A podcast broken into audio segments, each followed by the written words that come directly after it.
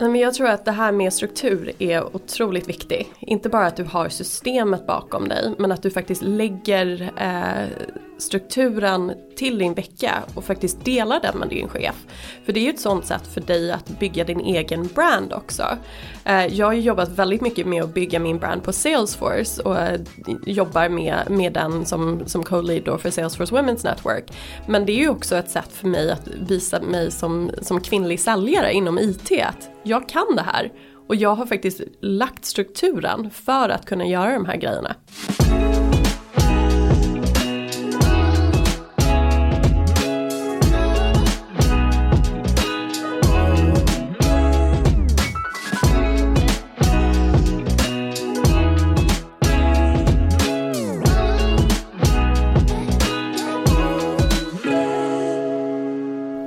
Ungefär 15 år sedan så fick jag uppdraget att rekrytera en technical account manager till ett stort IT-företag. Och man ville gärna att det skulle vara en kvinna.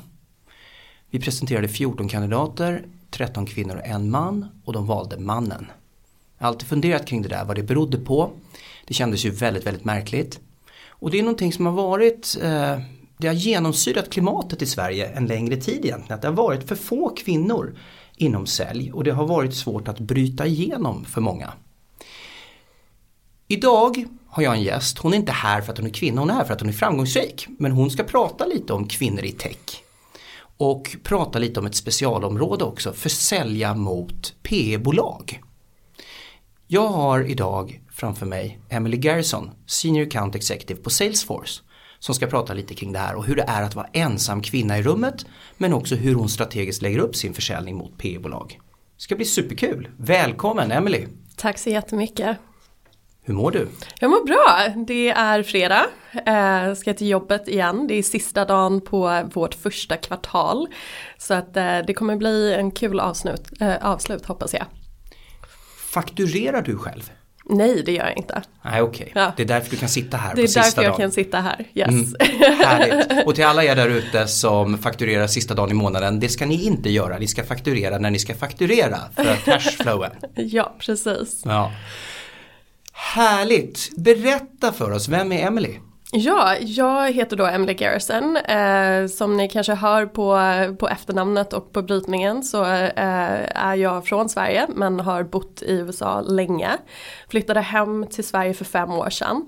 Eh, och eh, då fortsatte jag min resa på Salesforce kan man säga. Eh, började faktiskt med att jobba på två andra bolag i USA som använde sig av Salesforce och tänkte nu, nu ska jag flytta hem nu mm. är det dags för mig att liksom ja, men hitta någonting som jag verkligen tror på och vill jobba för. Och då var Salesforce längst upp på listan. Mm. Jag såg, eh, eller jag vet att du också har varit på LinkedIn så yep. att du är på, du har varit på två väldigt välkända varumärken inom försäljning. Mm, absolut och på LinkedIn var ju faktiskt där jag började min liksom försäljningsutbildning kan man säga. Jag mm. började liksom längst ner i business development rep-världen.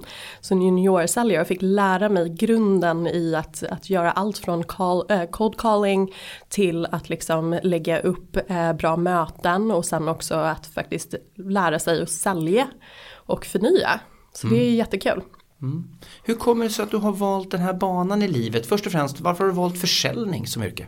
Jag har faktiskt inte valt försäljning eh, som yrke utan när jag började, innan jag började på LinkedIn så jobbade jag på ett annat bolag som gjorde eh, marknadsresearch för telekombranschen och använde sig av Salesforce som stödsystem. Så att när jag flyttade till New York några år senare så hade jag Salesforce erfarenhet på min, eh, mitt CV.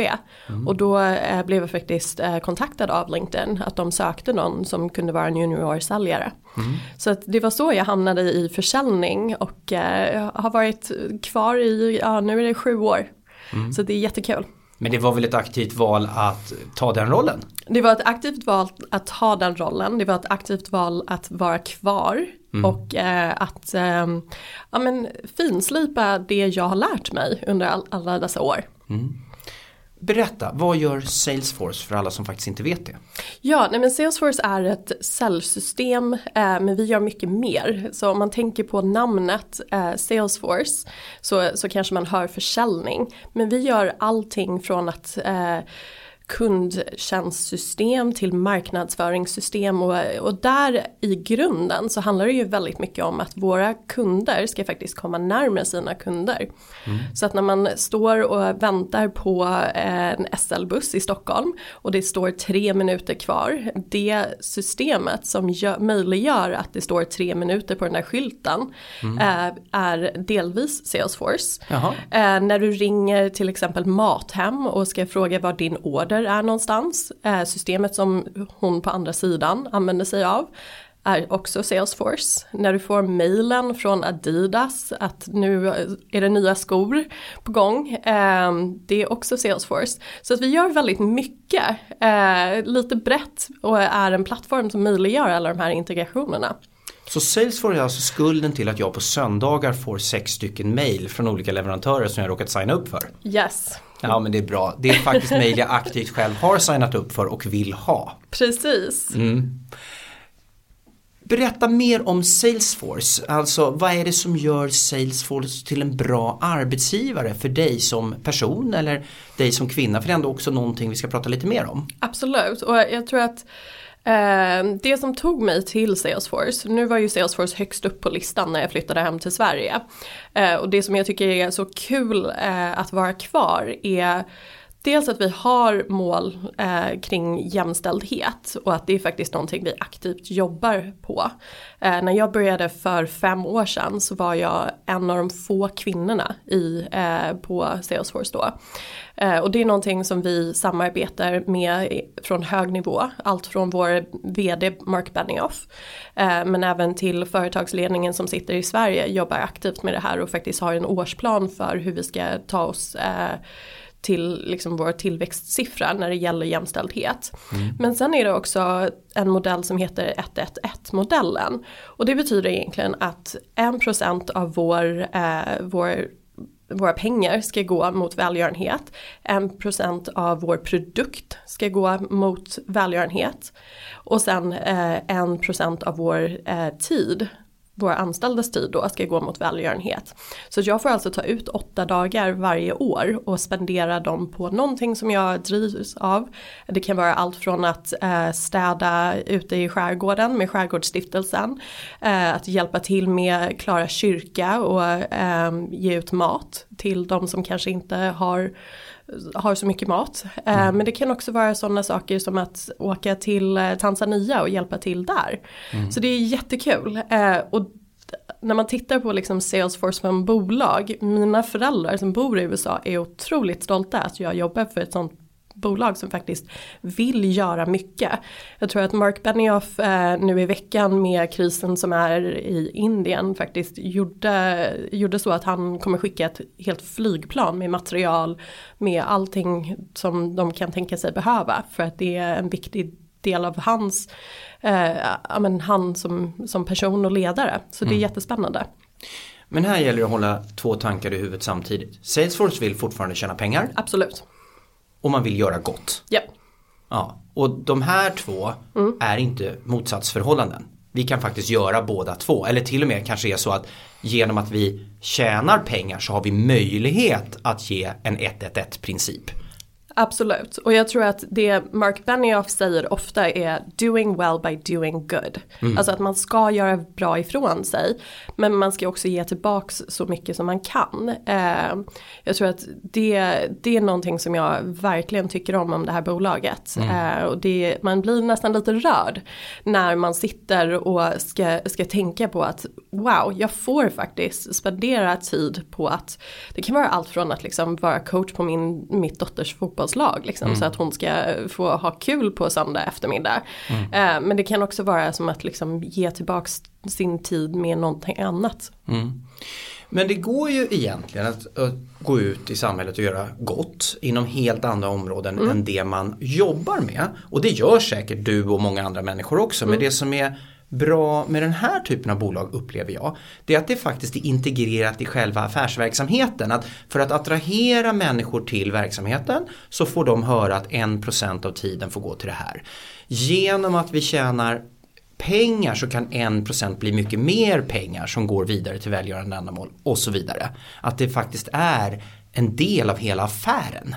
Absolut. Eh, vi har ju ett eget team som hjälper och gör försäljning mot eh, organisationer. Och det kan vara allt från Rädda Barnen till eh, Min Stora Dag.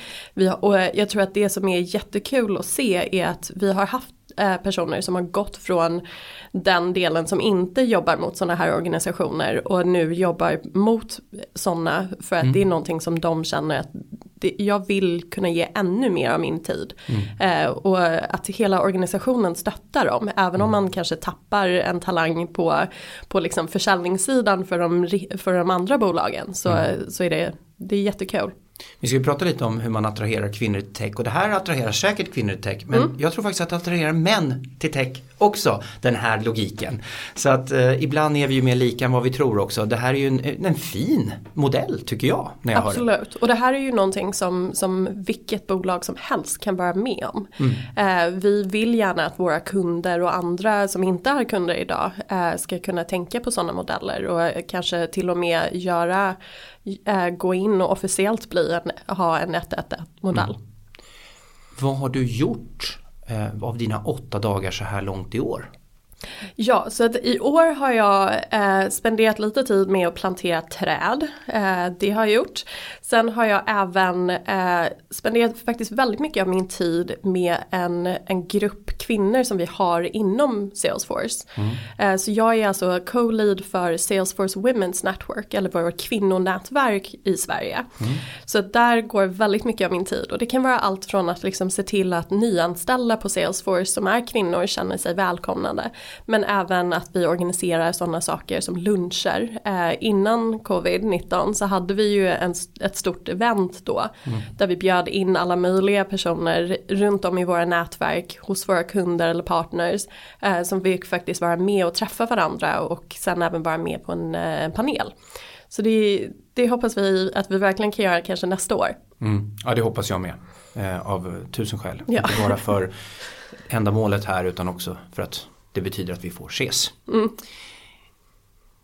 Jag tänker det här, du sa att du var en av få kvinnor när du började jobba på Salesforce. Hur ser det ut nu? Nu är det många, många fler. Eh, vi har många fler tjejer i de kanske mer tekniska rollerna också, vilket är jättespännande. Det är inte bara försäljning och det är inte bara marknadsföring. Eh, jag skulle säga att vi har ökat våra siffror rätt mycket, men vi vet att vi kan göra mycket mer för att få in fler äh, kvinnor. Mm. Mm. Ensam kvinna i rummet när vi pratade lite innan. Jag tyckte det var ett bra begrepp så jag valde att lyfta det rakt in i den här diskussionen. Vad betyder liksom epitetet eller eh, konstaterandet? Är det när du är i kundmöten eh, vi pratar om? Ja, oftast så, så är jag, och nu får ni komma ihåg att, att Salesforce är ju eh, en resurs som, som kan användas av säljteam.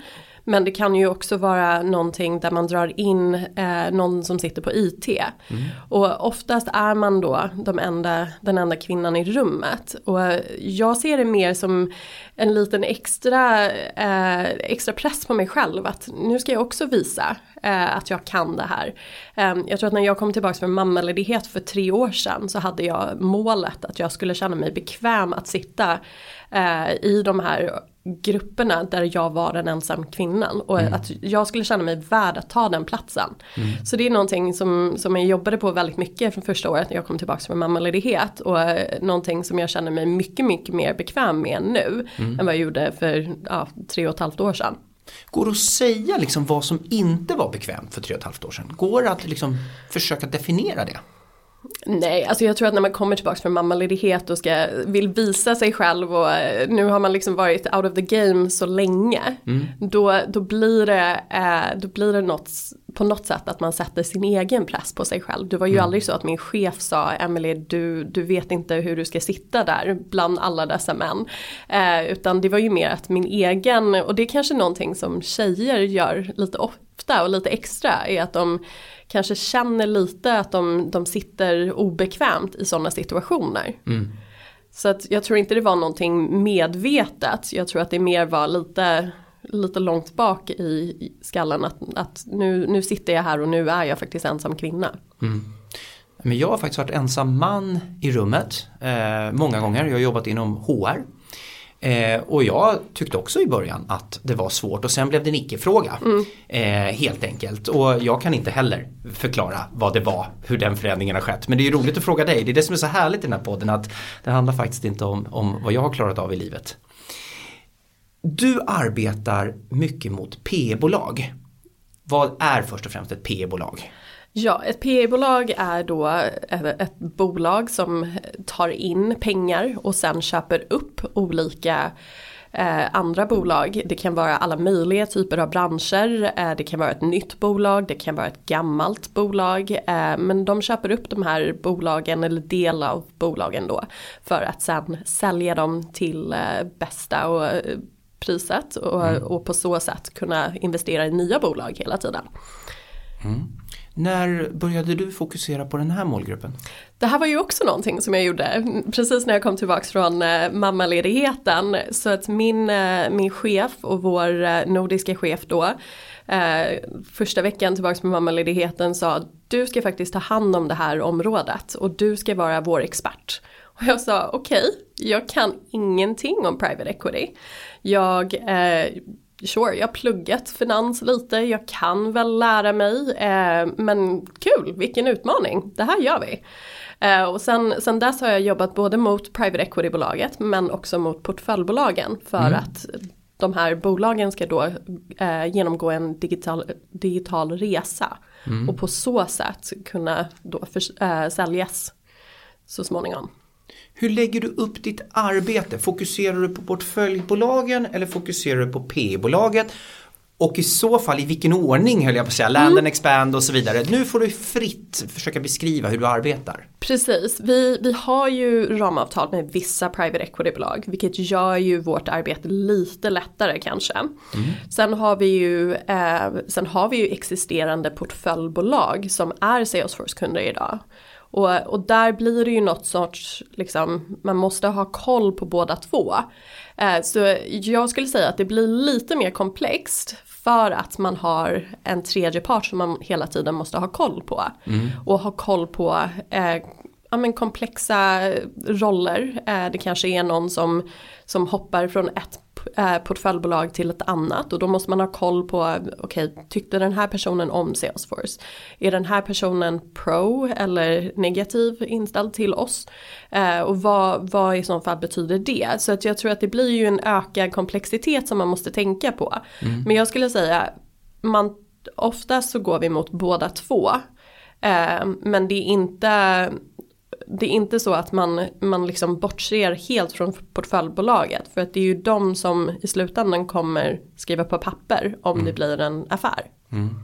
Hur ser själva affären ut om vi tänker på liksom pris affärsstorlek ungefär? Jag förstår att det är olika men har ni olika nivåer eller hur, hur ser det ut?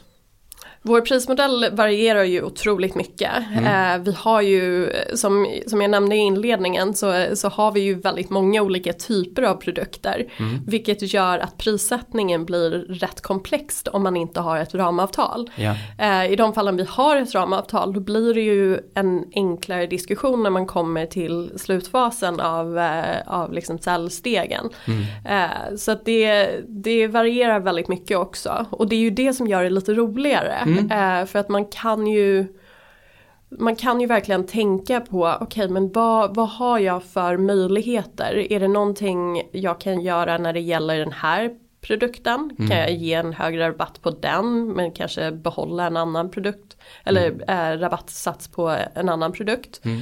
Eh, så det blir ju spännande och där har vi ju även ett pricing team som kan hjälpa oss för att se till att dealen blir så pass så pass bra för båda sidorna.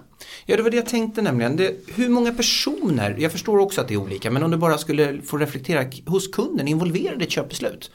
Hos portföljbolaget? Hos portföljbolaget, det kan ju vara allt från någon som sitter på IT till någon affärs, äh, affärsperson som, som sitter på, om det, är, om det är säljstöd man tittar på, då mm. blir det ju försäljningschefen. Mm. Äh, ofta så involverar man kanske en vd äh, för att få in dem. Mm. Och det blir ju också lite av en, när man jobbar med private equity-bolag så kan det ju finnas vd som har blivit tillsatta då av private equity-bolaget själv. Mm.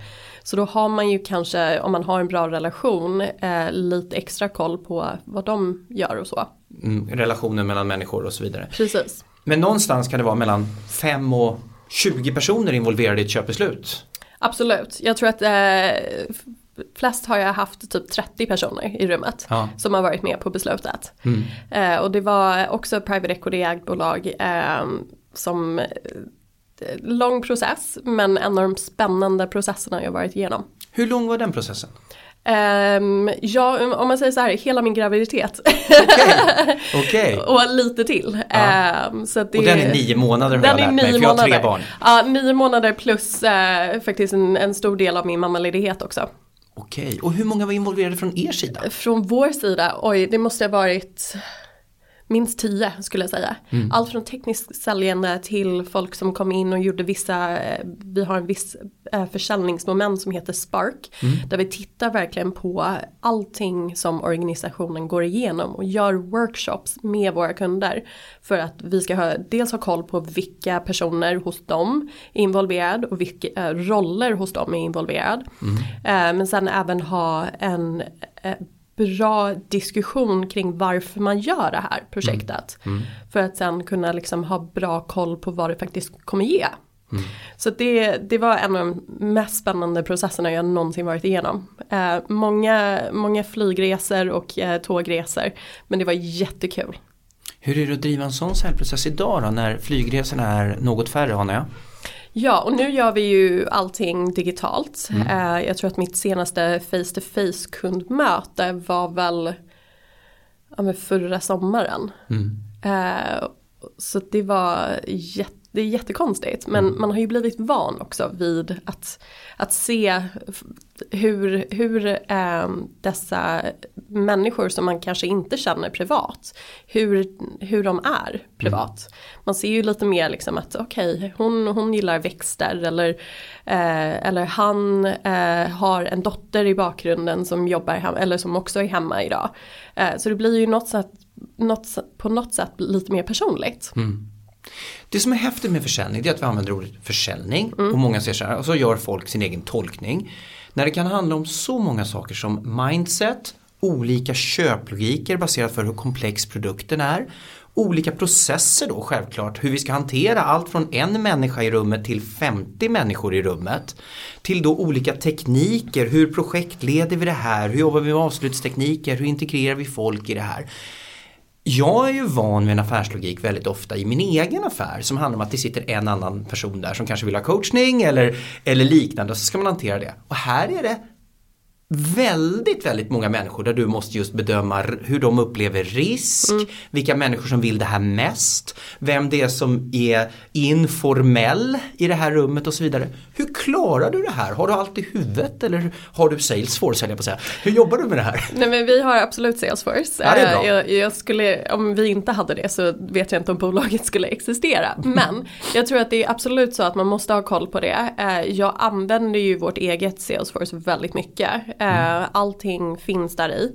Eh, jag tar alla mina anteckningar direkt där. Det gör ju också att jag slipper ha en massa admin. Mm. Det slipper också att min chef eller eh, en teknisk säljare eller en specialistsäljare slipper fråga mig vad, vad som är på gång utan de kan se allting direkt i Salesforce. Mm. sen så jobbar vi ju även med andra verktyg. nu har vi ju börjat med Slack. Ja. Ehm, och där så, så har vi ju grupper för varje större affär där vi kommunicerar, alla ser till att de vet exakt vad som händer. Jag kanske ställer en fråga och försöker få hjälp från någon inför ett sista minuten möte med private equity-bolaget. Mm. Eh, så det, det är jättespännande. Mm. Sen så har vi ju även en produkt som heter Salesforce Anywhere. Mm. Som eh, hjälper till där man faktiskt kan göra och dela med kunder när det gäller mutual success plans. Mm. Så att man kanske kan skriva ner exakt vem som är med på beslutet. Man kanske skriver lite anteckningar, är den här personen, eh, har den här personen några extra frågor? Är den här ansvarig för är det att de ska göra själva eller inköpsprocessen eller är det att de är teknisk köpare? Man kanske liksom skriver ner sådana här grejer i sin egen version och sen delar den andra versionen med kunderna. Mm. Uh, för att faktiskt se till att man vet exakt vad som kommer ske i säljprocessen. Är du en ordning och reda person? Jag är absolut ordning och reda. Är det en viktig egenskap för att klara av att driva den här typen av affärslogik? Absolut. Och jag tror, att, jag tror att det är lite, jag skulle inte säga att man behöver ha ordning och reda men du behöver ha en struktur. Mm. Jag tror att vi, det är lite roligt för att vi spelade precis in eh, ett webbinar. Och där pratar jag väldigt mycket om den här strukturen och mm. att det är så pass viktigt. Så att om man tittar på mitt schema vecka efter vecka så, så spenderar jag ungefär 70% av min tid på att jobba mot och lära mig inför kundmöten. Mm. Så att 30% av min tid är admin. Men det är fem minuter här, fem minuter där, kanske 20 minuter på fredags eftermiddag för att min forecast och alla mina säljmöjligheter ska se bra ut i systemet.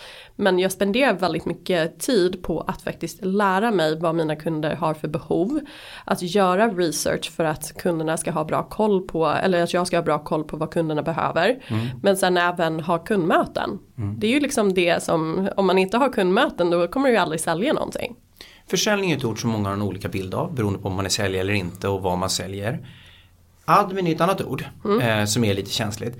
Men om jag då är lite rakt på här och frågar hur många procent av din admin är nödvändig för att du ska bli en bättre säljare och kunden ska få ut mer värde? Och hur många procent av din admin är egentligen admin du kunde ha varit utan?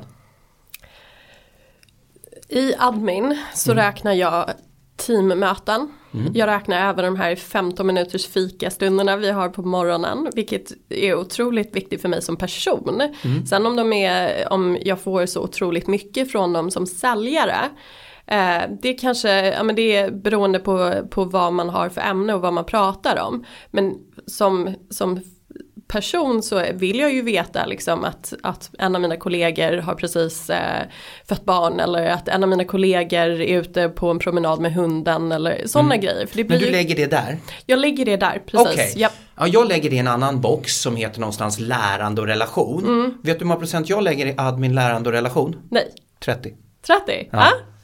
Eh, men jag har breddat medvetet liksom, konceptet admin. Mm. För själva admin-delen den är just till för, den ska vara så mycket kund. Men nu driver jag ju ett litet bolag. Mm. Men jag försöker tänka så när jag är ute och rådger företag mm. också. Kanske inte lika stora som Salesforce förstås. Men, men att liksom titta på var, vad är det vi gör som faktiskt är relevant för kund. Mm. Och vad är relevant för min egen utveckling. Mm. Jättebra. Eh, blir du någonsin plattformstrött? Vad menar du med det? Jag, jag sitter ju med ja, Slack, privat så är det WhatsApp och det är LinkedIn, det är Facebook, det är Instagram, det är CRM-system, i ett av mina bolag så är det rekryteringssystem och så tittar jag på min telefon och så är det ytterligare X. Blir du någonsin plattformstrött? Absolut. Eh, men jag tror, att det, jag tror att det viktiga är att man faktiskt ger sig tid att vara bort från mobilen. Mm. Så att en av sakerna som jag, jag gör rätt regelbundet och som jag faktiskt började med ungefär för ett år sedan. Eh, och som min chef har varit väldigt snäll och ger mig den tiden som ibland tar det, lunchen är lite längre om man säger så. Eh, är att jag tränar. Så jag går väldigt mycket på Barry's bootcamp. Det ger mm. mig en timme där jag inte har mobilen på mig. Okay. Och jag lämnar den i omklädningsrummet. Eh, klockan synkar inte till den i omklädningsrummet vilket är jätteskönt. Och jag kan spendera den tiden på bara mig själv och mm. faktiskt gå igenom, ja men vad kunde jag gjort annorlunda i den här cellprocessen eller eh, vad ska jag köpa för middag ikväll. Mm. Ja men sådana grejer. Så att man, man faktiskt ger sig den tiden och jag tror att ännu viktigare nu när man sitter mycket framför datorn, har möten framför datorn, att man ger sig den tiden. Mm. För jag tänker att tekniken, mm. den ska ju frigöra tid. Absolut. Och det låter ju när du beskriver Salesforce mm. som att den frigör tid. Absolut. Mm. Det kan vara allt från att jag har bra koll på vad mina kunder be har behov av. Eh, att systemet gör den analysen åt mig så jag slipper liksom gräva och hitta fram vad, vad det kan vara för upsell möjligheter. Eh, det kan vara att systemet pingar mig när, eh, när någon kund har behov av licenser för att de mm. har inga fler på hyllan. Eh, men det kan också vara en sån grej att vi har ett, ett verktyg som heter Clean My Room eller Städa ditt rum. Mm. Som faktiskt ifrågasätter dina säljmöjligheter lite. Ja. Och det kan vara allt från att en, en säljmöjlighet har pushats fram så många gånger i tiden att den ifrågasätter, är det här verkligen en, en fortfarande en säljmöjlighet? För att nu, nu har den liksom gått från år till år till år till år. Liksom, är det inte dags att bara stänga ner den och mm. börja på nytt? Mm. Uh, så det, det är sådana grejer som vi gör väldigt mycket på Salesforce och som min chef faktiskt tittar på uh, veckovis med mig. Mm. Uh, som en del av vår one-on-ones då. Du, jag pratade lite om KPIer mm. och det blir lite det här pingandet också som yep. du säger dyker upp. Och då sa vi det innan i rummet här, ni kunde ha fått vara med i det rummet men, men vi hade inte utrustningen där. Att det här kan ju bli lite trubbigt om det inte finns en människa där bakom också som, som följer upp och, och stöttar människan. Mm. Och där beskrev du något jättefint kring hur ni jobbar och chefen och så vidare. Kan, mm. du, kan du återge kring hur ni arbetar med det här? Absolut och jag tror att Eh, bara för att ge lite bakgrundshistoria så har jag haft samma chef nu i tre år. Mm. Han, eh, han var även min onboarding buddy när jag började på Salesforce. Så han var den som liksom hjälpte mig och vägledde mig i eh, den processen när man hade precis börjat. Så att vi har ett väldigt tajt samarbete och en väldigt bra relation. Eh, som en del av det så har vi ju, eftersom man är ett stort amerikanskt bolag så har man ju de officiella eh, HR-drivna eh, initiativ kring förbättring och kring hur man jobbar. Och det är, en fyra, det är fyra rutor och den säger egentligen var någonstans du är på processen. Eh, är det så att du behöver kanske hitta ett nytt jobb på Salesforce för att du behöver egentligen göra någonting annat. Eller är det att de ser dig som en stjärna och vill försöka ha kvar dig i organisationen. Eller är det att du kanske behöver bli lite bättre på vissa delar så att du kan potentiellt bli en stjärna. Mm. Uh, så det, det är jättekul för att man har alltid möjligheten att ställa frågan då till sin chef och säga var någonstans är jag idag? Mm. Är, är det så att du ser att jag har potential? Mm. Är det så att jag behöver förbättra någonting? Och vi har ju en ärlig diskussion varje kvartal mm. kring vad jag har för mål. Mm. Eh, och det kan vara allt från liksom vad jag vill göra om fem år men det kan också vara vad har du för fokus att bli bättre på i år. Men då är det utifrån dig som person? Absolut. Ja. Eh, nej men det är det som är så härligt. Då har du tekniken för att tillhandahålla någon form av faktamässig eh, grund. Men du har människan som pratar med människan för, för att utvecklas. Mm. Och det är så jag tycker man ska se på kopior. Det är för att stötta och utveckla. Sen kan det innebära avveckla men då brukar det i det långa loppet vara rimligt för båda parter. Det mm. brukar bli bra i slutändan. Du har beskrivit lite grann kring Salesforce, du har pratat lite kort om P-bolagen och så har vi pratat liksom om tekniken som gör att du kan effektivisera ditt arbete. Och så säger du strukturer eller rutiner då. då. Berätta, vad har du exempel, nu spelar vi in podd idag, mm. men om vi tar igår, hur ser en arbetsdag ut?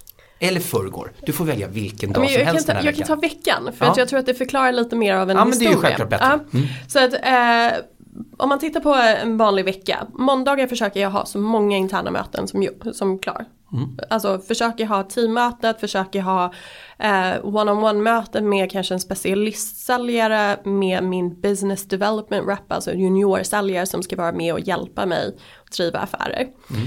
På tisdagar spenderar jag väldigt mycket tid på mina big bets. Eh, och det är de här affärerna som faktiskt, jag tror på, det är ett, liksom ett stort initiativ. Vi kanske kan göra någon större digital förändring på det här bolaget. Mm. Och det kan vara allt från att liksom ha bättre koll på vem bolaget är, vilka personer hos dem är intressanta, kanske nå ut till de här personerna, eh, kanske göra lite extra research kring private equity-bolaget som äger dem. Det är lite det jag gör. Eh, och sen onsdagar jobbar jag med bash shows eller eh, sådana här mail där man skickar liksom why, varför Salesforce, varför nu och varför du når ut.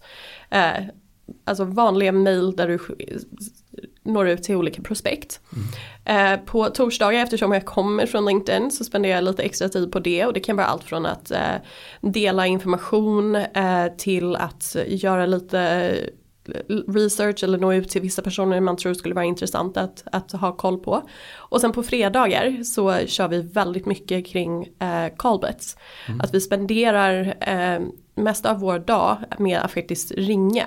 Och det kan vara allt från att eh, kallringa men det kan ex, äh, även vara att man når ut till olika personer som man kanske jobbar på en affär med. Mm. Mm. Så telefonen fortfarande delar ett verktyg? Absolut. Det låter som en väldigt strukturerad vecka för att mm. skapa effektivitet. Jag gillar det här. Eh, research, stor del av säljyrket för dig. För mig också faktiskt, om jag ska inkludera mig själv i det här. Eh, jag tror det är jätteviktigt att lära sig mycket om omvärlden generellt och mm. kanske lite invärlden kring våra kunder och förstå hur de agerar i den. Och kanske om kontaktpersonerna också. Väldigt bra beskrivet tycker jag. En väldigt stor komplex affär med ett på en internationell spelare nedtrattat i veckorutiner. Där du faktiskt gör saker också. Ja, Mm. Ja, men, och jag, jag, skulle säga att man kanske inte spenderar hela dagen på, på LinkedIn.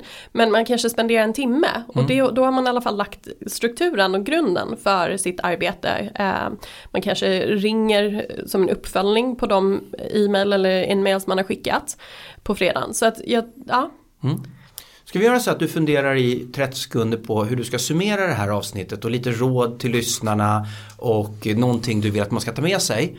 Så får du 30 sekunder på dig att komma på det medan jag säger något vettigt här. Ska vi köra så? Okej. Okay. Mm. Och jag bara reflekterar lite fritt kring att för ungefär sju år sedan så var jag utomlands med min son. Han spelade pingis med en norsk kille. Och eh, sen pratade han norska hela den där semestern. Nu har jag tillbringat eh, 45 minuter till en timme med en eh, kvinna som har internationell erfarenhet. Så att nu om ni pratar med mig idag efter så kan det bli engelska ord som poppar upp från min sida. Eh, så att eh, man tar åt sig väldigt snabbt. Jag hoppas att ni har tagit åt er lite av det Emily har berättat om. För jag tycker det är härligt hur man har brutit ner en ganska komplex affär i ganska konkreta veckorutiner. Nu har det gått en minut så du fick 30 sekunder extra var, varför jag förväntar mig något fullständigt exceptionellt nu. Vänligen summera för lyssnarna, vad har vi pratat om? Men jag tror att det här med struktur är otroligt viktigt. Inte bara att du har systemet bakom dig men att du faktiskt lägger eh, strukturen till din vecka och faktiskt dela den med din chef. För det är ju ett sånt sätt för dig att bygga din egen brand också. Eh, jag har ju jobbat väldigt mycket med att bygga min brand på Salesforce och eh, jobbar med, med den som, som co-lead då för Salesforce Women's Network. Men det är ju också ett sätt för mig att visa mig som, som kvinnlig säljare inom IT att jag kan det här. Och jag har faktiskt lagt strukturen för att kunna göra de här grejerna. Strålande, nu fick du in kvin ämnet kvinna, du fick in teknik, du fick in struktur, du fick in precis allting vi pratat om i det här avsnittet och du fick dessutom in någonting som jag gillar. Eh, du och din chef ska göra varandra framgångsrika och då är det viktigt att ni pratar med varandra och bjuder in varandra i ens vardag så att säga. Så att det inte bara handlar om slutresultat. Det är lite för sent då, ofta. Absolut.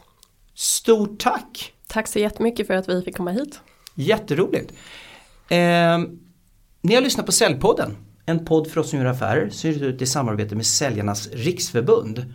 Gå in och ta en titt på www.säljarnas.se. Det finns vansinnigt mycket bra erbjudanden, content eh, som liksom inte är skapat för lite hurtigt vi ska kränga våra utbildningstjänster utan faktiskt som är skapat för långsiktigt värde.